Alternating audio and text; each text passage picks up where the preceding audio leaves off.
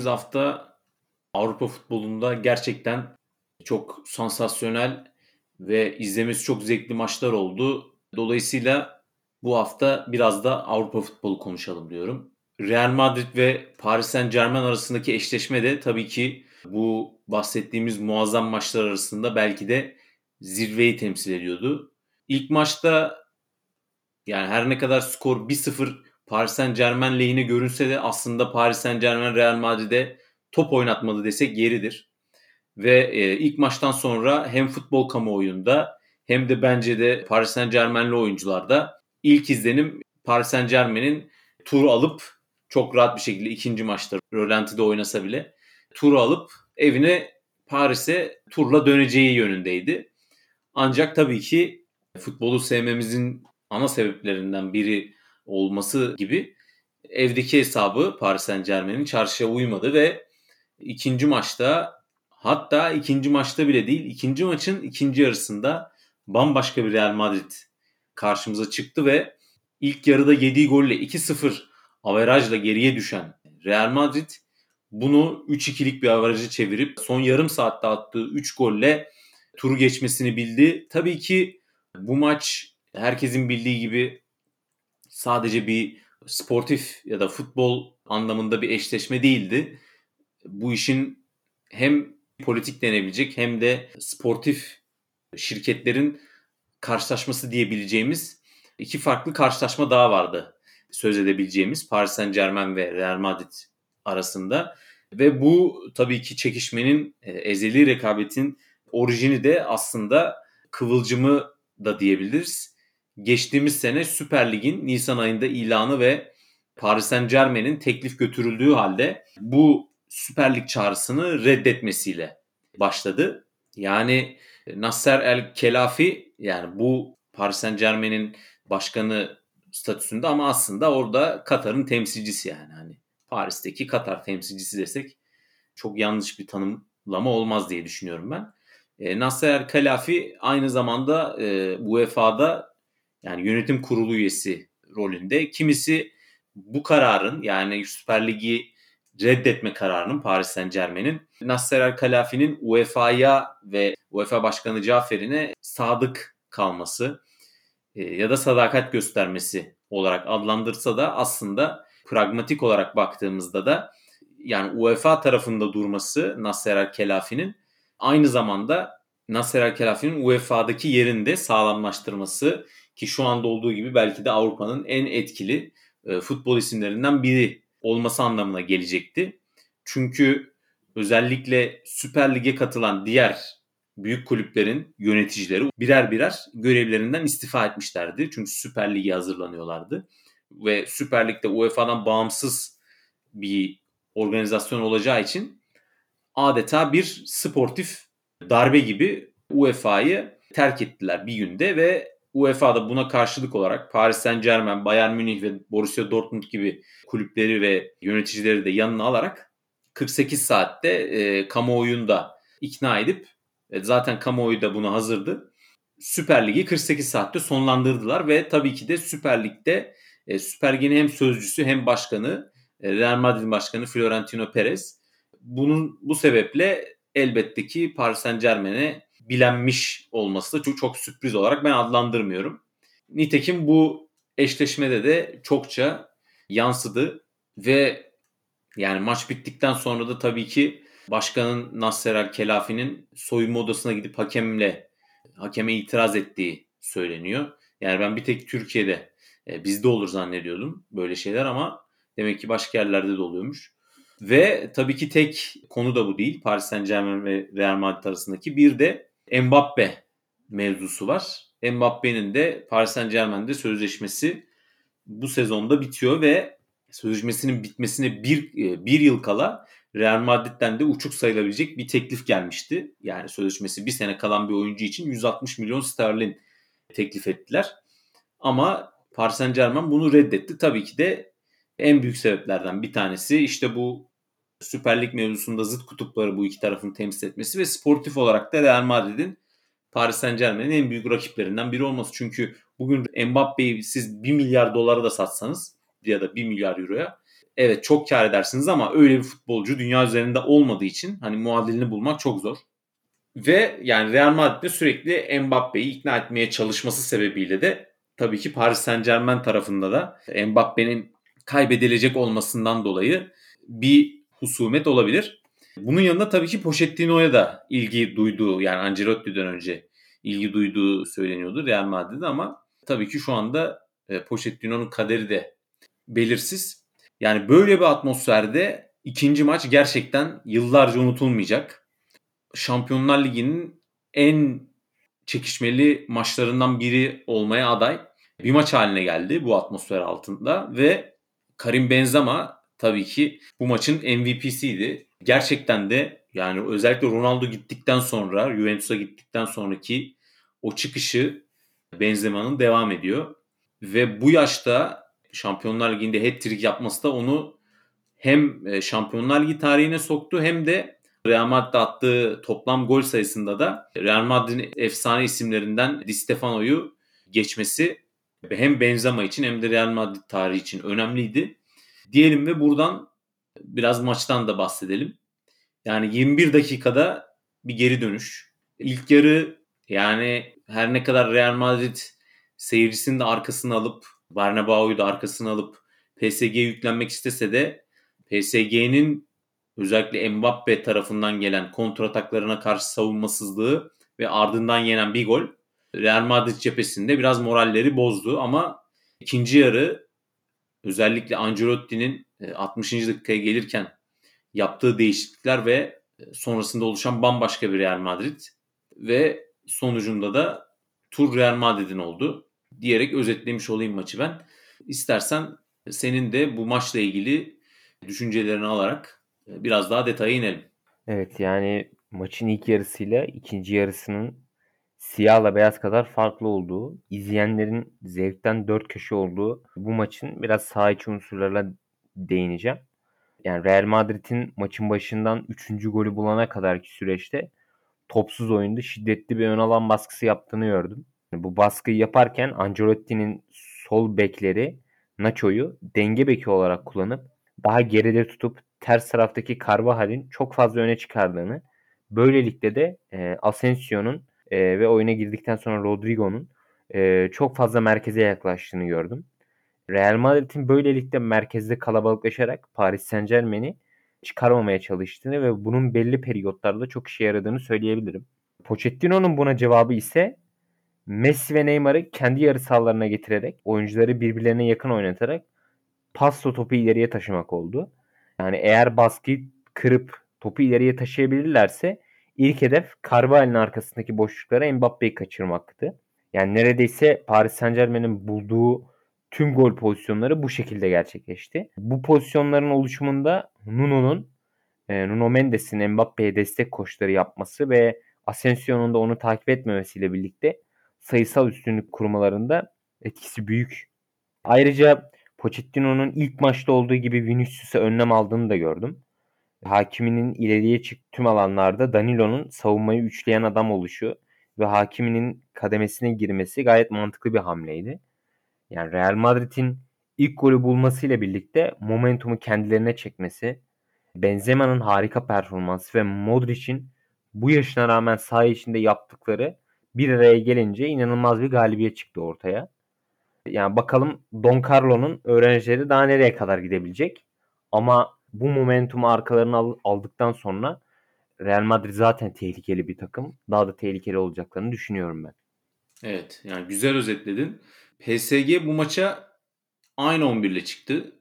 Yani 1-0 kazanan kadro ile çıktı. Real Madrid'de de mecburi bir değişiklik vardı. Yani ben açıkçası aynı ilk 11'li çıkmasına böyle bir soru işaretiyle baktım. Ancelotti'nin. Yani cezalı bir e, Fernand Mendy vardı. Onun yerine sol bekte Nacho ile başladı ki Nacho da bence sol bekte yani tartışılır bir oyuncu. Sol bekteki etkinliği özellikle Alaba gibi bir oyuncu varken yani orijini sol bek olan ve tabii ki de bu yani ilk 11'ler ve oyuncu tipleri benzer olması sebebiyle ilk yarıda zaten Real Madrid'de beklendiği gibi yani benim beklediğim gibi Paris Saint Germain'e bir oyuncu olarak üstünlük kuramadı. Ne olduysa ikinci yarıda oldu. Yani dakika 59'u gösteriyordu. Toni Kroos yani çok iyi oyuncu. Aslında paslarıyla da yani tehlikeli ataklar oluşturdu. Oluşturmayı başardı. Yani Benzema'nın bir kafası var. Çıkmadan önce hatırladım. Kroos'un pasıyla gönderdi. Ama tabii atletizm olarak Paris Saint Germain gibi bir kontra atak takımına karşı biraz etkisiz kalıyordu. Dolayısıyla onun yerine çok daha atletik bir oyuncu olan Kamavinga'yı oyuna aldı Ancelotti. Zaten burada Ancelotti de farkını gösteriyor. Yani maç içi koçluk yapmak, maç içi analiz yapmak her antrenörün bu seviyede yapabildiği bir iş değil. Yani maç hazırlığı ayrı. Örneğin Solskjaer'ın hani büyük maçlara ne kadar iyi hazırlanan menajer olduğunu biliyoruz. Bazı menajerler yani maçlara iyi hazırlanır ama maçın içerisinde gelişen olaylara iyi adapte olamaz. Ama Ancelotti tamamen bir taktisyen yani. Bu maçta da taktisyen masterclass'ını hep beraber izledik. Ve tabii yani aynı anda bir değişiklik daha gerçekleştirdi. Rodrigo'yu Asensio yerine aldı. Yani Asensio her ne kadar çok böyle yaratıcı bir oyuncu olmasına rağmen daha çok yarım alanları kullanmayı seven bir oyuncu. Oyunu da genişletmek adına oraya Rodrigo'yu aldı. Ki Rodrigo daha da çizgide oynamayı seven bir oyuncu. Kamavinga ise aynı Kroos'un derin oyun kurucu rollerini üstlendi Kamavinga'da. Sadece kontratak konusunda kanatlara biraz daha fazla Kroos'a göre daha fazla yardım etti Kamavinga. Ve bu değişiklikten sonra dakika 57'ymiş e, değişiklik dakikası da. E, bu değişiklikten sonra zaten Real Madrid vites arttırmaya başladı. Yani bir şeyler olacağı belliydi. Ve takım halinde bu sefer çok yoğun e, Paris Saint Germain'in sahasında pres yapmaya başladı Real Madrid ve e, tabi biraz da şansın yardımıyla ilk golde müthiş bir baskı ve en böyle belki de beklemeyeceğimiz en soğukkanlı oyunculardan biri olan Donnarumma'nın Benzema'nın baskısıyla yaptığı inanılmaz hata ilk golü yemesine sebep oldu Paris Saint Germain'in. Orada gerçekten yani Donnarumma'nın dibinde yani Marquinhos'un gelmemesi yani orada Marquinhos biraz daha yakına gelse Donnarumma'ya pas opsiyonu olsa belki de o golü yemeyebilirdi Paris Saint Germain. Çünkü Donnarumma orada dönmeye çalıştı. Baktı pas atıcı arkadaşı yok. Bu sefer dönmeye çalıştı ve topu kaptırdı. Ardından Benzema kendisinin ve takımının ilk golünü attı. Tabi Real Madrid'deki tek değişiklik de oyuncu değişikliği değildi. Aynı zamanda Eder Militao sağ kanada geçti. Carvajal çıktıktan sonra e, dakika 66'da. Ve Alaba'yı da tekrar sol bekte gördük. Yani bu özellikle kontratak tehlikesine karşı alınmış bence çok yerinde bir karardı. Çünkü yani iki beki de sarı kart görmüş. Yani hem Nacho hem Carvajal. Eder Militao ve Alaba da gerçekten yani Mbappe ve Neymar'a karşı çok etkiliydi.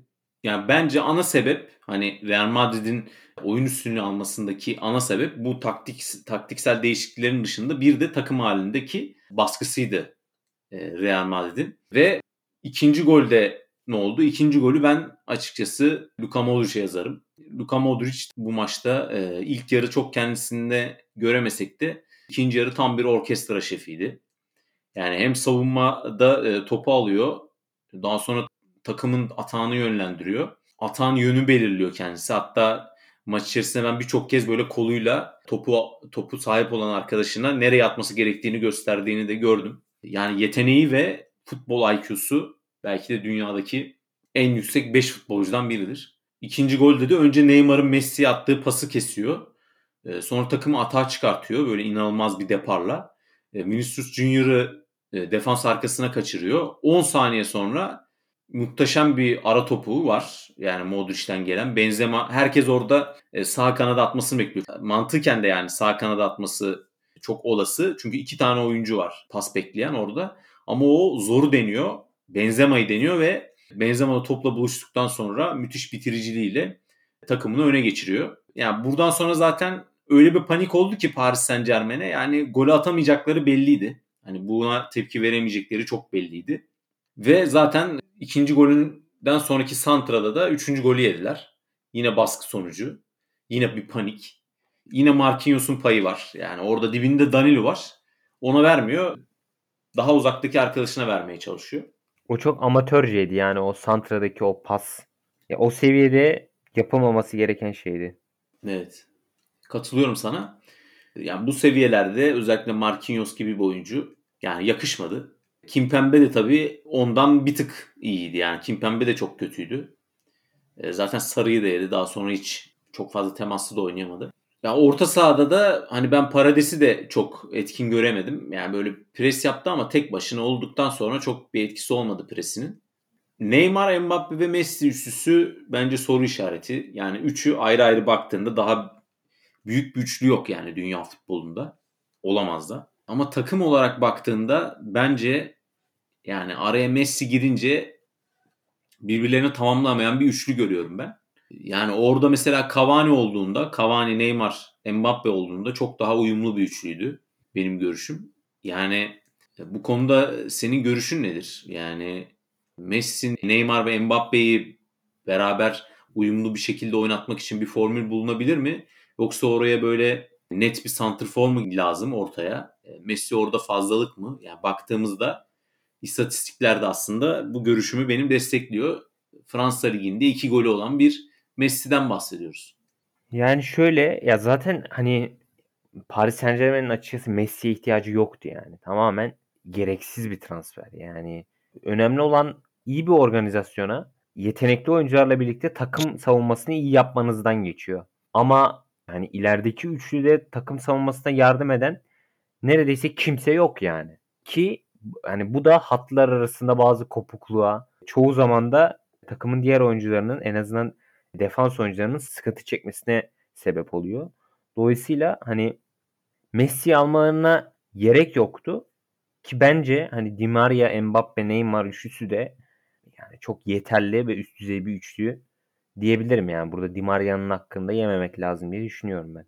Evet. Dediğin gibi Di Maria'yı da hesaba katmak lazım. Ben bir de şeye anlam veremiyorum. E, tabii ki daha formsuz olduğu için oynamıyor da. Yani Wijnaldum nasıl bu takımda yer bulamaz?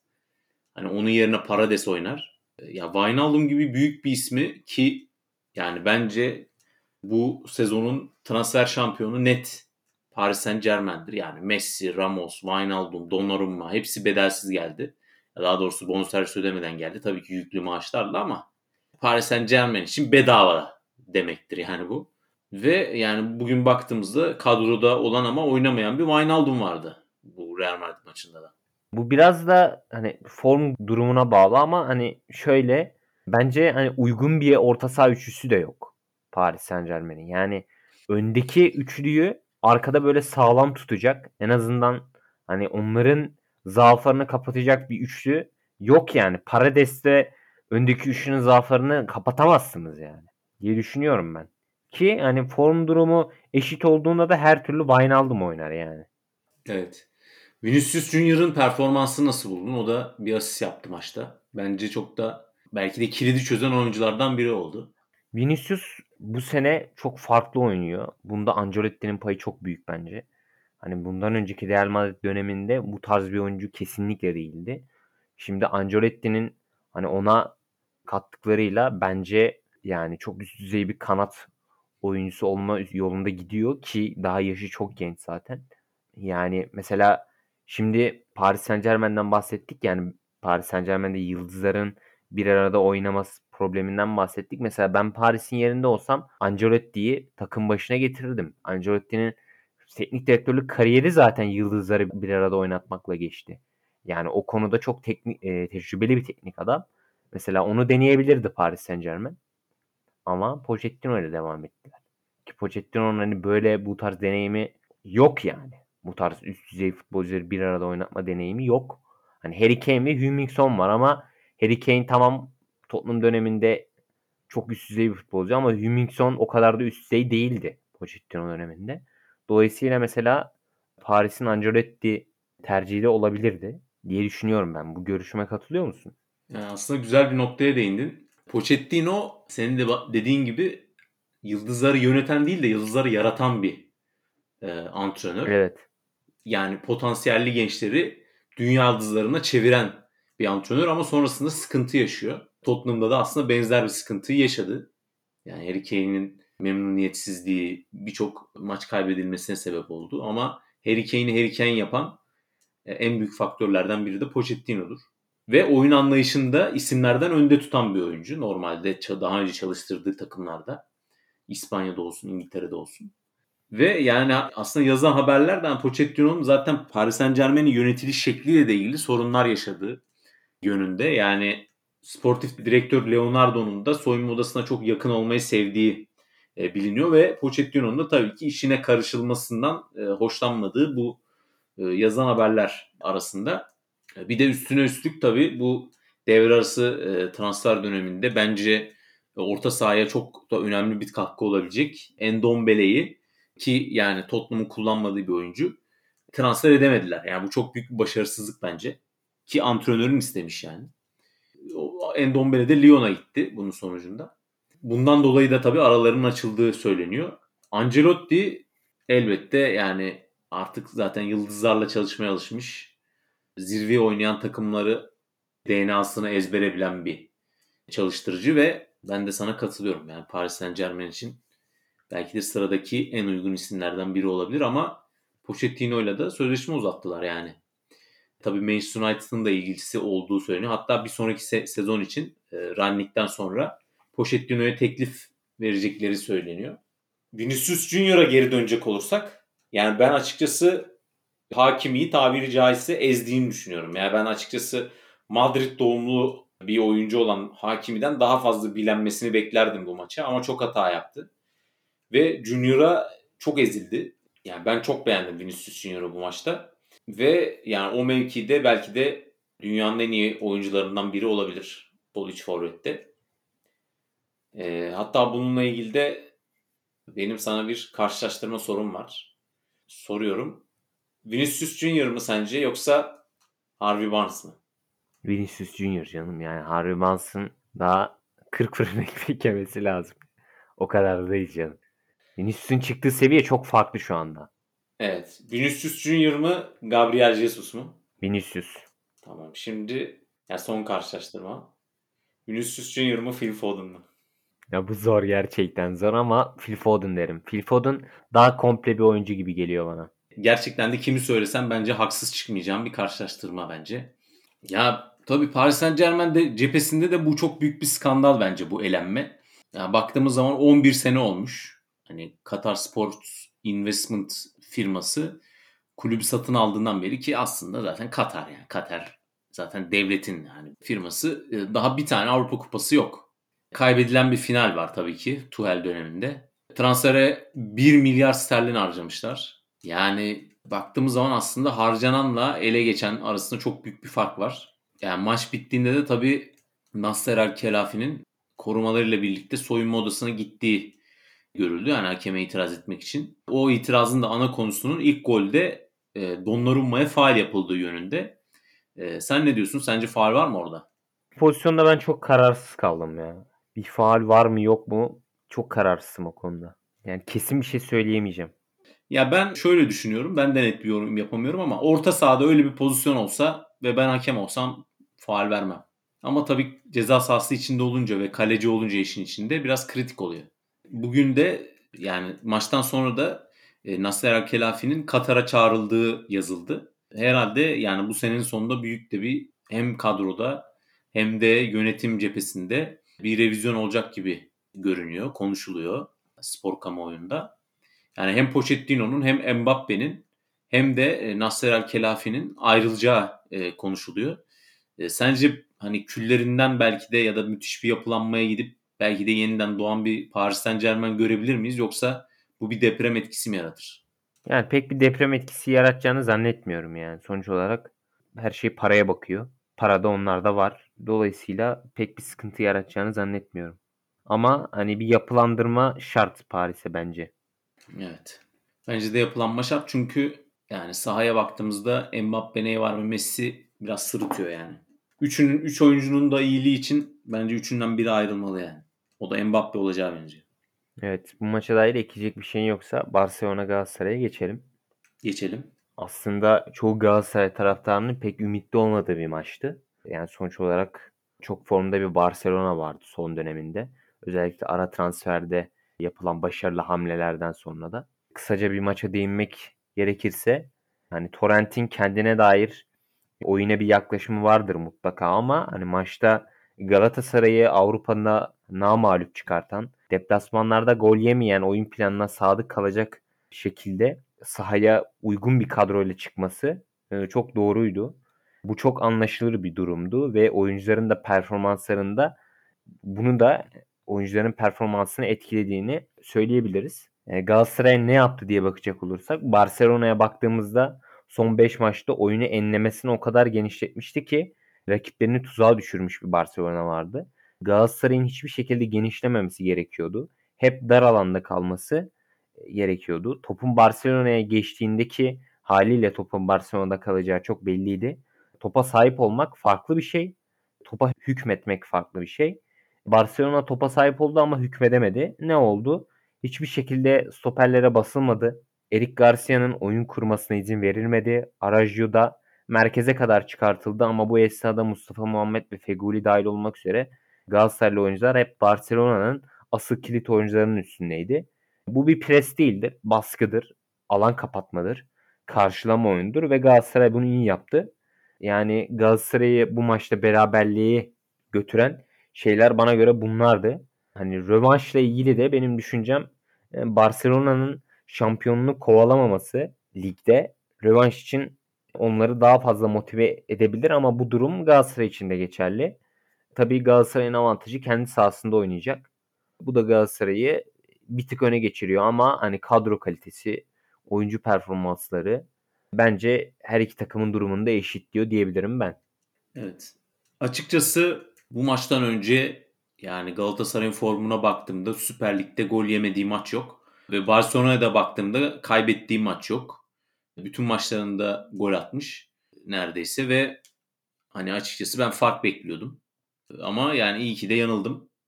Yani Galatasaray Avrupa'daki e, sanki sadece böyle hani arada böyle hiç Süper Lig'de maç yapmıyormuş gibi o Avrupa'daki futbolunu, güzel futbolunu devam ettirdi. Gerçekten herkesi şaşırttı. Ve yani tabii Barcelona'yı çok iyi tanıyan iki tane ismin olması. Bir tanesi zaten maçın adamı olan Iñaki Peña. 2-3 tane çok kritik kurtarışı var. Ve diğeri de teknik direktör Dominic Torrent. Hem Barcelona'yı tanıyor hem Xavi'yi tanıyor. Bu çok büyük bir avantaj bence. Yani Antalya Spor'u tanımadığı için daha fazla zorlanabilir yani açıkçası hani taktiksel olarak. Barcelona'yı çok iyi tanıyordu ve çok da iyi analiz etmiş. Zaten birinci işi Torrent'in yani futbol camiasında ilk tanındığı ismi rakip analizcisi olması ve tabii ki de yani içinden geldiği kulübü de iyi analiz etmesi bir yandan da çok da sürpriz olmadı. Bunun dışındaki soru işaretlerim benim orta sahadaki istikrarsız görüntü e, çizen Taylan ve Berkan'ın durumuydu. E, Taylan neredeyse hiç kritik hata yapmadı. Bu çok önemliydi Galatasaray için. Yani orada Erik Pulgar'dan da yani Erik Pulgar da bu arada bizi yanıltanlar arasında ve onun yerine yine formsuz bir oyuncu olan Taylan oynamak zorunda kalıyor. O kadar yani fizik olarak bitik ki Erik Pulgar. Ve orada oynayan oyuncu da Galatasaray için çok önemli. Yani defansif e, orta saha pozisyonda oynayan oyuncu. Ve bu maçtaki performansı bence Galatasaray'ın yaptığı defansın temelini oluşturdu. Marco ve Victor Nelson çok güven verdi savunmada. Sasha Boye yani kendisinden belki de çok da beklemeyeceğimiz şekilde bütün hava toplarında çıktı. Birçoğunu da aldı. Yani %60 bir ikili mücadele başarısı var. Yani birçok girdiği mücadeleyi de kazandı. Feguli ve Mustafa Muhammed bence takımın en kötü isimleriydi.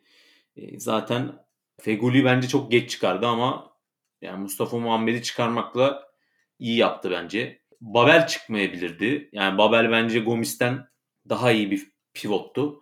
Ve tabii ki Avrupa maçlarına da daha alışkın. Daha fazla ma- maç tecrübesi var Gomis'e göre Avrupa'da. Kerem ilk yarıda müthiş ardarda iki çalım ve ardından şut. Onun dışında çok etkisizdi o pozisyon dışında. O gol olsa zaten uzun yıllar unutulmayacak bir gol olurdu. Patrick Van Aanholt tabii karşısında bir yani tabiri caizse bizonla adama Traore ile mücadele ettiği için fiziksel olarak zorlandı ama bence o da skandal hata yapmadı yani. İyi çabaladı Patrick Van Aanholt. E, hiç fena değildi. Ya Mustafa Muhammed'in daha etkili olmasını beklerdim. Hiç kendini gösteremedi. Fegoli çok böyle yani sanki 20 yaşında ilk defa Avrupa maçına çıkan oyuncuymuş gibi. Kendisinin yani Premier Lig kariyeri de var. e, çok acemice ve erken paslar attı. Ben Fegoli'yi hiç beğenmedim bu maçta. Barcelona tarafında yani Depay'ın şutları vardı ama hani uzaktan böyle Peña'yı biraz daha böyle hani forma sokan şutlardı. Kaleci çalıştırır gibi. İyi yerlere gitti ama onları kur- kurtardıktan sonra Peña daha iyi oynamaya başladı. E, Jordi Alba e, eskisi gibi gerçekten de kaptan zaten. Atan yönlendirmeye devam etti ve bence çok da iyi yönetti. E, Büştu da çok e, direğe yakın gitti. Sergio Dest bazen sırıttı yani Kerem'e karşı bazen ikili mücadeleleri kaybetti. Ama o da yani idare eder bir oyun oynadı bence. Onun dışında yani Barcelona'da beğenmediğim benim bir Nico Gonzalez vardı. Onu da zaten Xavi çıkarttı. İkinci yarıda onu çıkarttı. Yerine Busquets'i aldı ki yani Busquets de orayı toparladı. Ama ben Barcelona'da şunu gördüm genel olarak. Yani kenar ortalarına bağımlı böyle. Hani sanki kapanan Anadolu takımına karşı gelen böyle İstanbul takımı gibi. E, ve kendine inanmayan böyle oyuncular. Yani ısrarcı olması gerektiği kadar ısrarcı olmadı Barcelona'lı oyuncular. Adama Traore ve Memphis Depay arasında hiçbir bağlantı yoktu. Yani bir takım görüntüsü çizmediler. E, dolayısıyla hücumda da böyle özellikle ceza sahası içinde paslaşmalarda sıkıntı yaşadılar. Buna karşılık Galatasaray'da aynı Barcelona gibi tam böyle Barcelona'yı gafil avlayabileceği pozisyonlarda biraz da böyle tabii ki gol yeme korkusundan top çevirmeyi tercih ettiler. Geriye veya yana oynadılar. Öyle cömert pozisyonlar harcadılar. Daha doğrusu potansiyel kontratak pozisyonlarını harcadılar. En az 2-3 tane. Biraz daha cesaretli olsa kontratakla Barcelona'ya tehlikeli anlar yaşayıp, yaşatabilirdi Galatasaray ikinci e, yarıda özellikle. Yani gol beklentilerine baktığımızda da Galatasaray'ın 0.16 gol beklentisiyle oynadığını görüyoruz. Barcelona'da 1.44 gol beklentisiyle oynamış. Yani Barcelona bu ne demek? 16 şut çekmiş 1.44 gol beklentisiyle oynamışsa yani e, çektiği şutların birçoğu boş şutlar demek. Gerçekten de atak konusunda çok verimsizdi Barcelona. Galatasaray'da toplamda 3 şut çekebilmiş. Tabi burada da yani ben bu beraberlikte aslan payını defans oyuncularına veriyorum. Peña, e, Nelson, e, Marcao ve Sacha Boey'e veriyorum. Baktığımızda 40 tane top uzaklaştırma var. Yani bu belki de Galatasaray'ın Avrupa kupalarında rekorlarından biri olabilir. 12 top kesme, 5 şut bloklama, 40 e, top uzaklaştırma, 4 kurtarış. Gerçekten de yani belki de bir Rüzgar'ın Efendisi'ndeki Helm's Deep savunması aşamadı yani Barcelona. Veya Beşiktaş'ın Kiev savunması gibi bir savunma izledik Galatasaray'dan. Yani Barcelona neredeyse tüm metriklerde üstündü ama e, sonucu alamadı. Ve yani neredeyse de tam kadroydu yani. Hani bir eksikten de söz edemeyiz. Yani Ansu Fati zaten sezon başından beri sakat. Yani orada değişik şeyler dönüyor zaten. Yani Ansu Fati nasıl hala iyileşmedi ben anlamıyorum. Bir senedir. Ondan önceki sene de zaten sakattı. Geçtiğimiz dönemde yani geçtiğimiz ayda bir oynadı sonra tekrar sakatlandı. Hani Barcelona gibi bir kulübünün sağlık ekibinde neler olduğunu ben çok merak ediyorum. Bir de Sergio Roberto var. Yani eksik olarak nitelenmiş ama o da çok uzun süredir sakat. Tabii ki Barcelona tüm gücüyle gelecektir. Yani ikinci maçta. Çünkü Galatasaray'dan böyle bir savunma bence kimse beklemiyordu. İkinci maçta tüm güçleriyle gelecektir. Tabii Galatasaray'ın taraftar baskısı var ama yani bu kadroyla özellikle defan yani merkezde e, Berkan Kutlu ve Taylan Antalyalı yani taraftar desteği taraftar baskısına dönüşür mü ikinci maçta bu konuda benim tereddütlerim var yani hani belki de yani çünkü deplasmanda gol yemeyen bir Galatasaray'dan bahsediyoruz. Kendi iç saha performansından belki daha iyi yani deplasman performansı. Yani sen ne dersin hani ikinci maç için? Hani taraftar gerçekten de Galatasaray'ı daha öne iter mi yoksa oyuncular bu baskıdan baskı sebebiyle yani hata yapabilir mi? Yani şöyle belli bir seviyeye kadar rahatlatacaktır Galatasaray taraftar. Ama hani dediğim gibi kadro kalitesi ortada. Oyuncuların performansları ortada. Orada sıkıntı yaşayabilir Galatasaray. Evet ama yani şu da bir gerçek ki Galatasaray kendi evinde bu işi bitirebilir. Maçtan avantajlı diyebileceğimiz bir skorla dönüyor. Deplasman golü de kalktı. İlk maçtaki gibi oynarsa maçı uzatmaya götürür. Belki penaltılara gider. Kim bilir. Iñaki Peña belki de maçın değil turun yıldızı olabilir. Ee, bunu bilemiyoruz. İkinci maçta göreceğiz. Ve sonrasında da tabii ki Galatasaray bir derbi oynayacak pazartesi günü ki onun da ertelenme konuları konuşuluyordu. Barcelona'da tur maçından sonra yani İstanbul'daki Galatasaray maçından sonra bir El Clasico oynayacak ama senin de bahsettiğin gibi şampiyonluk kovalamadığı için Barcelona biraz daha rahat. Galatasaray da şampiyonluk kovalamıyor ama Galatasaray biraz da artık küme düşme hattından uzaklaşmak için oynadığı için derbi önemli Galatasaray e, açısından da. Derbi ile ilgili de istersen bir maçtan önce görüşlerini alalım. Yani her iki takımın ligde e, bulunduğu durum ve oynadığı oyunlar belli. Yani Galatasaray ligde çoğu zaman Galatasaray'a hiç yakışmayacak oyunlar oynadı. E, yani neden Galatasaray'ın orada olduğunu çok net bir şekilde anlayabiliyorsunuz oynadığı oyundan. Beşiktaş'ta da her ne kadar sonuçları Beşiktaş'ın istediği gibi olmasa da bence oyun anlamında Beşiktaş her geçen gün iyiye gidiyor gittiğini söyleyebilirim. Beşiktaş'taki tek sıkıntı atamama. Yani bitiricilerin atamaması. Beşiktaş'ın oyun anlamında gerilediğini söyleyemem. Son oynanan Başakşehir maçında da hani ilk yarıda iki tane net fırsat kaçırdı Beşiktaş. Yani onlara atsa belki de maç çok farklı bir boyuta gidecekti. Söylediğim gibi yani Beşiktaş'ın bitiriciliğinde problem var. Tabii Galatasaray Beşiktaş'a göre daha yorgun. Bu da e, derbide önemli bir etken oynayacaktır. Yani e, her ne kadar iç sahada olsa da maç Galatasaray için yani Nef Stadyumunda olsa da e, belli bir dakikadan sonra oyuncularda yorgunluk belirtisi olacaktır. Beşiktaş bu dakikaları iyi değerlendirebilirse maçı kazanabilir. Yani Galatasaray'ın gene klasik derbilerde olduğu gibi ilk yarıda e, böyle ilk 20-25 dakika baskılı bir oyunu olacağını düşünüyorum ben. Taraftarı da arkasına alıp e, yani o baskıyı Beşiktaş nasıl yönetecek, nasıl çıkacak o baskıdan? Bunlar benim yani merak ettiğim şeyler. Evet. Ya Beşiktaş son hafta oynadığı maçı maçta puan kaybetti ve yani bu şekilde e, deplasmana gidecek. Galatasaray'ın yani belki yani taraftar desteği olacak ama oyuncuların belki de akılları hani Barcelona maçında olmasından dolayı bir konsantrasyon eksikliği yaşayabilirler. Yaşamazlarsa yani Barcelona maçında aldıkları o beraberliğin özgüveniyle Beşiktaş'a sıkıntı yaratabilirler diye düşünüyorum ben de.